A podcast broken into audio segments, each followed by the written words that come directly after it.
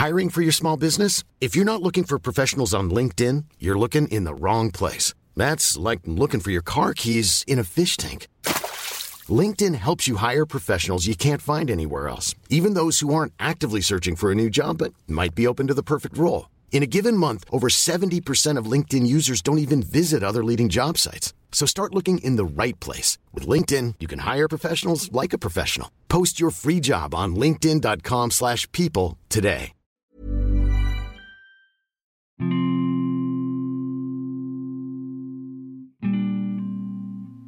Halo teman-teman, balik lagi bareng gue dan Dia Arifin di saluran dini hari.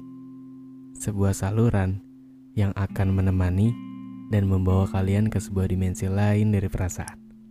Terima kasih telah berkenan. Semoga episode ini bisa mewakilkan. Jadi, selamat mendengarkan. By the way, gue mau ngasih tahu kalau podcast ini dibuat dengan aplikasi Anchor. Dengan Anchor, kalian bisa rekam dan publish podcast kalian di Spotify secara gratis. Yuk, tunggu apa lagi? Download Anchor sekarang.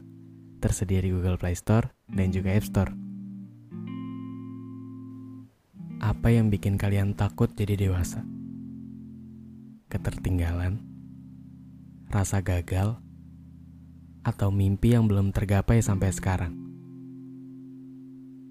Buat gue, ada satu hal yang ngebuat gue takut banget jadi dewasa. Yang tanpa gue sadari, semakin umur gue bertambah, semakin tua juga umur kedua orang tua gue. Gue takut. Takut kalau gue gak mampu ngebuat mereka bahagia sampai waktu yang menakutkan itu tiba. Gue takut sendirian. Gue takut ngadepin dunia yang keras ini tanpa ada mereka di samping gue. Gue tahu suatu saat gue akan bertemu dengan ketakutan itu. Gue tahu kalau suatu saat mereka pasti pergi ninggalin gue. Tapi sampai di umur gue yang sekarang, ternyata gue belum bisa ngasih apa yang mereka mau. Gue belum mampu ngebuat mereka terlepas dari bebannya dan menikmati masa tuanya. Kadang sempat dibuat mikir, gue mau sampai kapan ya kayak gini terus? Makin lama, waktu berputarnya cepet banget ya. Makin ngerasa kok hidup gue kayak gak berguna ya. Gue masih aja yang ketergantungan sama mereka. Dan mungkin akan selalu begitu. Tapi gue juga mikir kayaknya gue gak bisa deh kayak gini terus gue harus ngebuat mereka bisa menikmati hidupnya. Tanpa harus berjuang buat anaknya yang sampai sekarang masih nggak tahu arah hidupnya mau ke mana. Gue selalu berdoa kayak, Tuhan, kalau boleh minta, biar aku aja yang duluan pergi boleh nggak? Gue bisa mastiin kalau gue nggak akan sanggup ngadepin ketakutan itu gue bisa mastiin kalau dunia gue gak akan ada artinya tanpa mereka. Setiap baru pulang, terus gue ngeliat ibu atau ayah gue udah tidur, gue langsung sedih gitu. Langsung overthinking, gimana ya kalau mereka gak bangun lagi? Gue pengen, pengen terus ngeliat mereka nemenin mereka. Pengen ada waktu buat mereka. Tapi dunia maksa gue buat terus berjuang di luar rumah. Sampai akhirnya gue gak denger sendiri dari mulut ibu gue. Dia bilang gini, Ibu tuh gak butuh uang kamu. Ibu tuh butuh waktu kamu. Kalau lagi libur bisa gak di rumah aja? Ibu kangen. Pengen di rumah ini tuh lengkap semua. Kalau pengen jalan-jalan tuh ibu diajak gitu. Nanti kita pergi sama-sama. Di situ gue udah gak sanggup bilang enggak. Gue iyain. Bahkan gue pengen nanya ke dia kayak, Ibu mau apa? Ibu pengen apa bilang ke aku? Biar nanti aku turutin. Mungkin sekarang gue bisa menyanggupi semua yang dia mau ya perihal materi. Tapi gue sadar kalau yang dia butuh tuh waktu. Dia pengen gue nyempetin waktu buat di rumah. Ya, padahal kalau di rumah juga nggak ngapa-ngapain. Ibu tuh sayang banget sama gue. Dia selalu repot nanya mau dimasakin apa.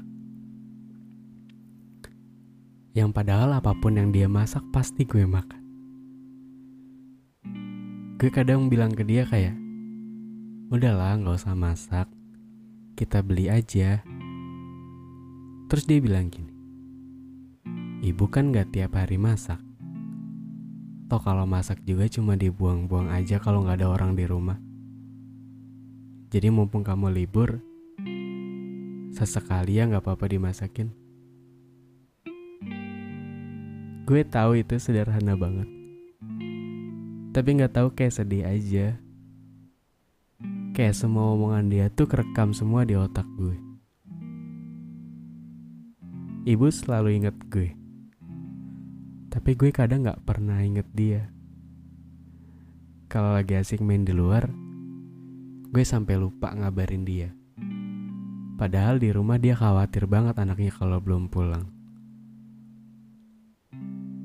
Dari hal tersebut gue sadar kalau kabar adalah hal sederhana yang padahal penting, tapi kadang sering disepelein. Jadi buat teman-teman yang sering lupa ngabarin orang tuanya, sekarang disempetin ya buat nelpon atau sekedar chat ke mereka ngasih tahu kalian lagi apa. Mereka nggak akan keganggu kok, bahkan malah seneng mereka pasti mikir kalau anaknya masih peduli sama mereka. Kabar sepenting itu. Dan gue minta tolong jangan disepelein ya. Karena nanti kalau mereka udah nggak ada, siapa yang bakal ngebawelin kalau tengah malam kalian belum pulang? Dari tadi kita ngomongin ibu terus ya. Sekarang kita gantian ngomongin ayah. Ya. ayah gue itu keren sih udah pasti. Dia tuh nggak pernah yang namanya ngeluh di depan anak-anaknya.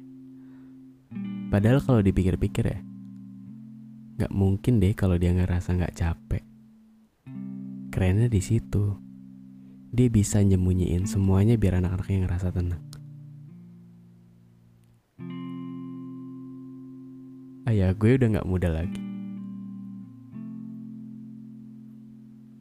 Bahkan sekarang udah kayak anak kecil. Udah mulai nunjukin tanda-tanda kalau dia udah masukin masa tuanya. Masa tua yang harusnya dia cuma diem aja di rumah dan nikmatin sisa hidupnya. Tapi dia harus tetap berjuang di luar sana demi ngebantu perekonomian keluarga.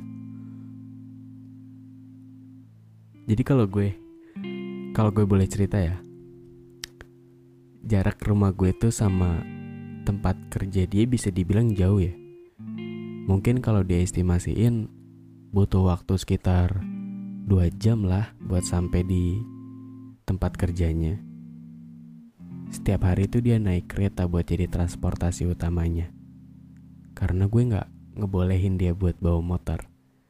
Apalagi nempuh perjalanan yang jauh gitu. Terus waktu itu gue pernah kan ya berangkat kerja bareng dia gitu kan. Naik KRL you know lah KRL komuter lain Jabodetabek atau keretanya Jabodetabek lah. Lo tau lah gimana padatnya KRL kalau pagi. Gue berangkat sama dia dari rumah ke stasiun naik motor. Gue taruh motor gue di penitipan dekat stasiun. Singkat cerita gue naiklah ke KRL. Udah lumayan padat tuh. Bahkan bisa dibilang udah desek-desekan. Terus diem-diem tuh gue merhatiin dia. Gimana sih kalau di KRL tuh kan kayak jadi kan penuh. Kita nggak dapat tempat duduk kan pastinya. Dia berdiri sambil pegangan. Gue liatin terus tiba-tiba gue nangis dong. Bukan, bukan, bukan gara-gara dia nggak dapat tempat duduk ya.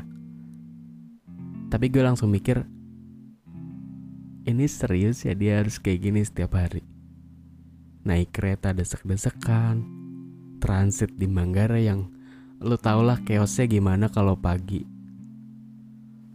Terus habis transit dari Manggarai, dia masih harus lanjut naik kereta jurusan ke tempat kerjanya. Mungkin lu boleh bilang gue lebay perihal ini. Tapi bukan perihal naik keretanya atau gimana nya.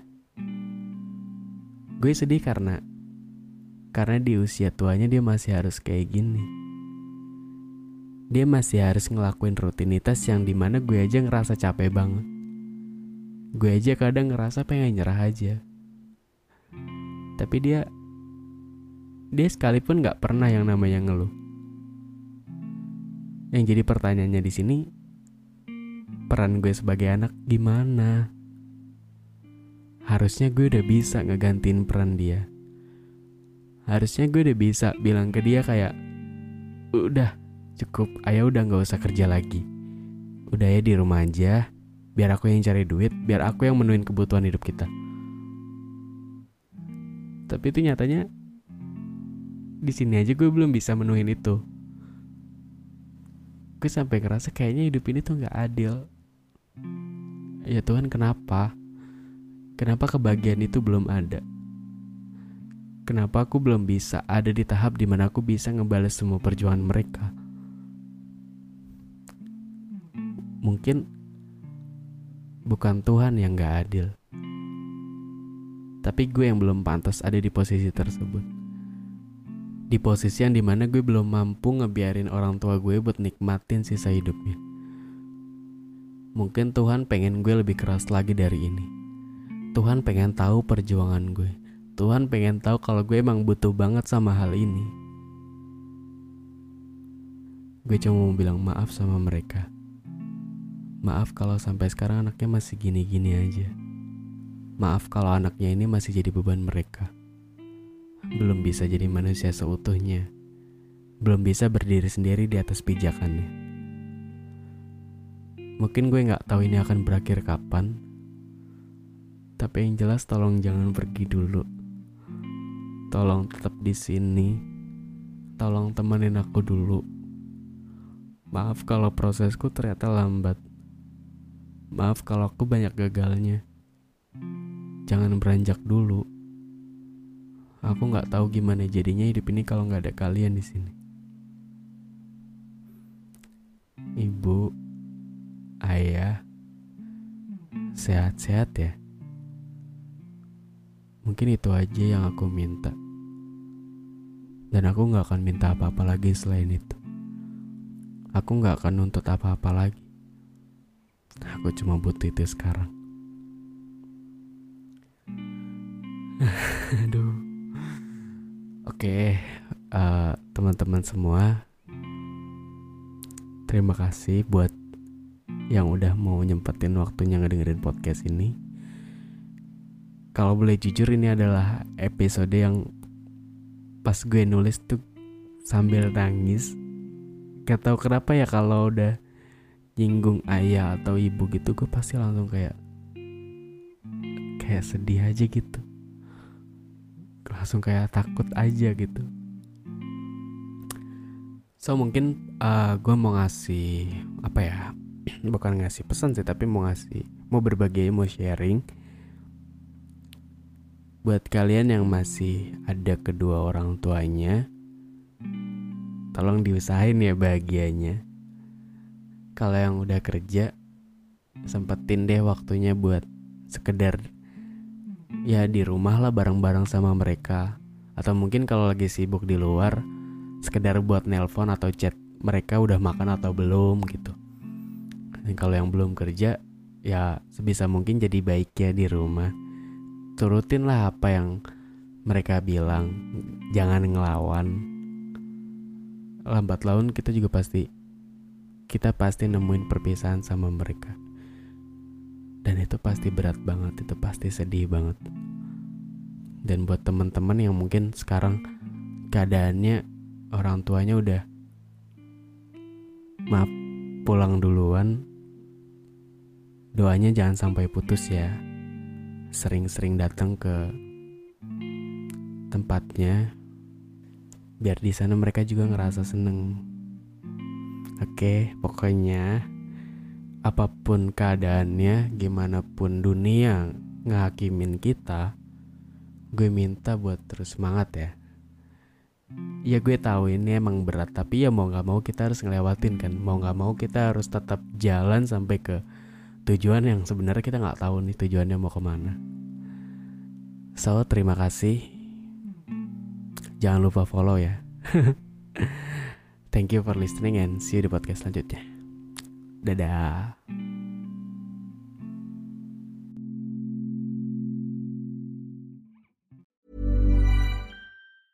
Planning for your next trip? Elevate your travel style with Quince. Quince has all the jet setting essentials you'll want for your next getaway, like European linen, premium luggage options, buttery soft Italian leather bags, and so much more and is all priced at 50 to 80% less than similar brands. Plus, Quince only works with factories that use safe and ethical manufacturing practices.